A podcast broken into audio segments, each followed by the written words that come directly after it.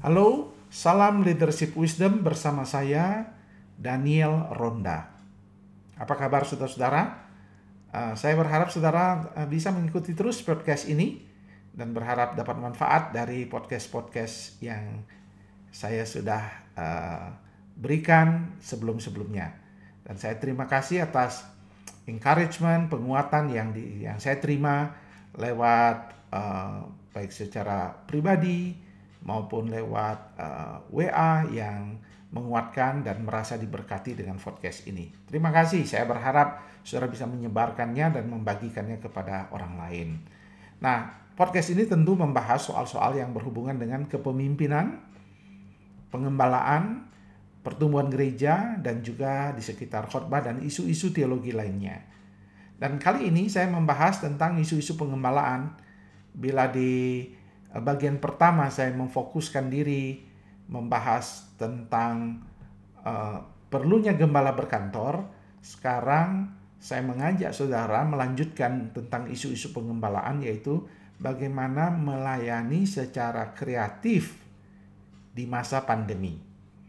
Tentunya uh, kita tahu bahwa di masa pandemi ini kita dibatasi dalam hal pertama dalam ibadah Walaupun sekarang sudah mulai longgar, ibadah-ibadah sudah mulai diadakan, tetapi masih dibatasi jumlahnya. Dan maksimal ada yang sampai hanya 50% dari kapasitas. Ini mendorong uh, setiap gereja tetap diharapkan melanjutkan pelayanan digital mereka, pelayanan online mereka kepada jemaat-jemaat. Yang kedua, mereka juga dalam masa pandemi ini para gembala agak kesulitan melakukan pelayanan perkunjungan. Padahal hakikat daripada sebuah pelayanan pengembalaan adalah sentuhan kasih secara personal ke jemaat-jemaat dan itu dilakukan lewat perkunjungan. Hari ini perkunjungan sangat dibatasi baik perkunjungan rutin maupun perkunjungan-perkunjungan kepada orang sakit karena banyak rumah sakit membatasi uh, kedatangan pengunjung kecuali uh, keluarga pasien. Nah, hari ini saya mau mengajak kita memikirkan tentang bagaimana di tengah pembatasan ini kita melihat peluang untuk menjadikan pelayanan kita kreatif tetapi juga sekaligus tetap efektif. Nah, para gembala harus uh, memutar otak, menyusun strategi, banyak berdoa dan bergantung pada Tuhan dan mencari hikmat Tuhan. Nah, berikut ini ada beberapa hal yang saya akan sampaikan yang merupakan uh, hasil dari pengalaman, hasil dari observasi dan juga hasil dari survei-survei yang saya baca. Nah, yang pertama di sekitar ibadah gerejawi. Kami berharap saudara-saudara tetap melanjutkan pelayanan online, pelayanan digital itu, karena ternyata Tuhan mengizinkan itu terjadi supaya kita bisa menjangkau jiwa-jiwa yang ada di dunia digital. Karena hari ini ya, generasi milenial, generasi pasca milenial mencari makna kehidupan, mencari informasi, mencari apa pun ke dunia digital. Dan kita harus hadir di situ karena ketika mereka mau mencari sesuatu yang berhubungan dengan pergumulan mereka, tentu mereka akan mengklik atau mengetik kata-kata kunci yang kiranya itu mereka akhirnya menemukan adanya pelayanan-pelayanan di gereja kita. Oleh sebab itu saya berharap para pemimpin gereja, para gembala dan juga tentunya majelis dapat menginvestasikan waktu, tenaga, dan daya mereka, gereja mereka, untuk memikirkan pelayanan digital, untuk penjangkauan jiwa-jiwa, dan juga tentunya untuk membuat pertumbuhan iman jemaat. Nah, saya berharap liturgi-liturgi yang dibuat secara online, dibuat secara seefektif mungkin, belajar dari para anak muda bagaimana membuat video yang baik, sehingga suaranya terdengar profesional dan baik, dan pelayanannya efektif dapat menjangkau jiwa-jiwa.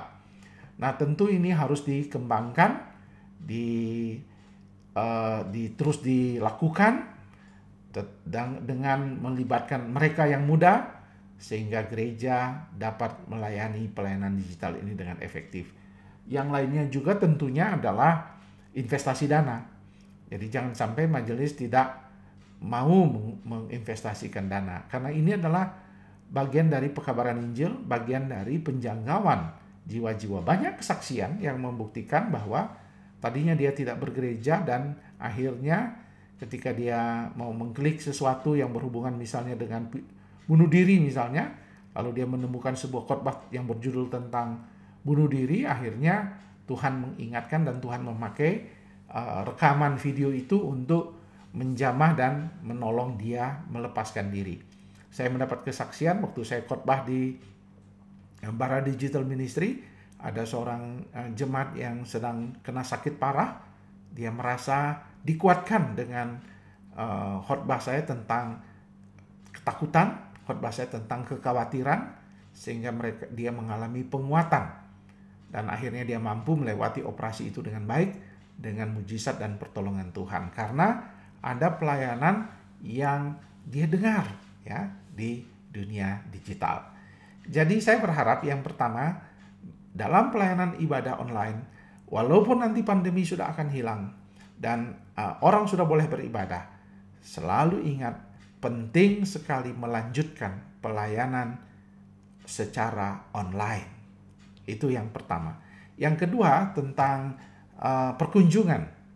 Bagaimana uh, ketika kita dibatasi dalam perkunjungan, maka kita harus membuat strategi-strategi baru dengan sentuhan. Prinsipnya dalam perkunjungan tentu sentuhan, personal touch, sentuhan pribadi. Maka kita juga akan tetap bisa melakukannya walaupun tidak harus datang berkunjung. Karena jemaat yang diperhatikan, jemaat yang dikunjungi, jemaat yang mendapatkan sentuhan pribadi adalah jemaat-jemaat yang kemudian berkomitmen dalam pelayanan, berkomitmen dalam gereja lokal dan dia akan dapat bertumbuh bersama di dalam gereja lokal. Nah, apa yang bisa kita lakukan mengganti perkunjungan? Jika di desa tentu uh, perkunjungan tetap tidak bisa diubahkan karena tidak adanya paket data dan internet yang bagus, maka kita bisa melakukan perkunjungan singkat. Jadi membuat tim-tim lalu membuat perkunjungan singkat tidak seperti biasanya panjang. Tetapi di perkotaan di mana wabah penyakit semakin mudah menyebar karena AC dan sebagainya, maka eh, perkunjungan kita kita ganti dengan misalnya dengan ada satu gereja yang melakukan melakukan renungan pribadi, eh, membuat renungan pendek, ya, eh, lalu doa tiap pagi untuk jemaatnya. Nah, misalnya dia ada uh, tiga hamba Tuhan, maka dia membuat membaginya menjadi enam hari itu dibagi menjadi uh, tiga, sehingga satu orang gembala pegang dua hari renungan pagi yang berisi tentang renungan singkat dan doa untuk jemaat. Itu sangat efektif sekali menyentuh mereka karena tiap pagi dia akan mendengarkan itu sapaan dari gembala. Kemudian kalau ada gembala uh, jemaat yang sakit maka bisa melakukan video call, bisa melakukan video uh, doa ataupun membuat rekaman atau mengirimkan WA. Dan misalnya ada ulang tahun jemaat atau uh, ulang tahun pernikahannya, kirimkanlah ayat firman Tuhan, kirimkanlah uh, ucapan selamat dan kita bisa menyusun kalimat-kalimat itu customize mungkin barang 10 sampai 15 ayatnya lalu kita nanti setiap kali ada uh, ulang tahun kita tinggal taruh nama dan mengirimkannya. Kita bisa melakukan pelayanan kreatif itu. Jangan hilangkan pelayanan yang menyentuh pribadi-pribadi jemaat. Karena ini kelihatan sederhana.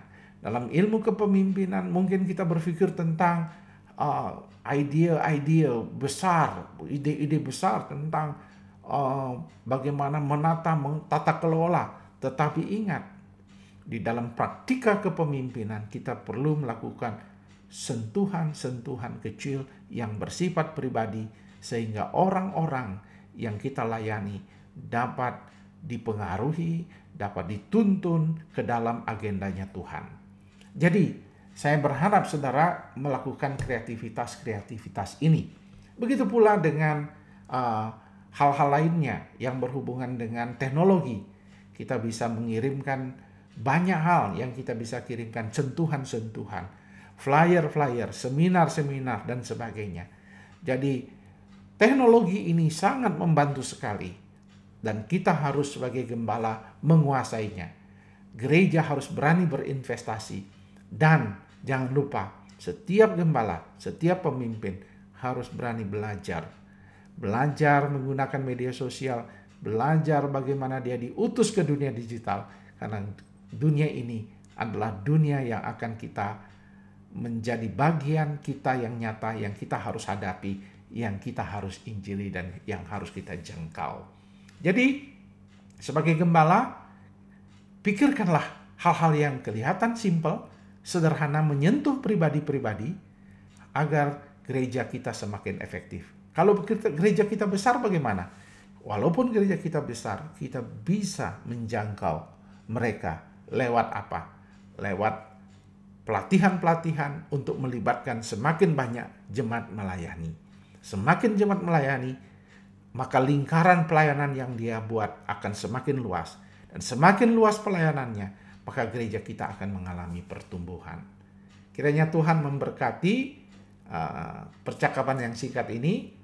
Tuhan menolong kepemimpinan saudara. Amin.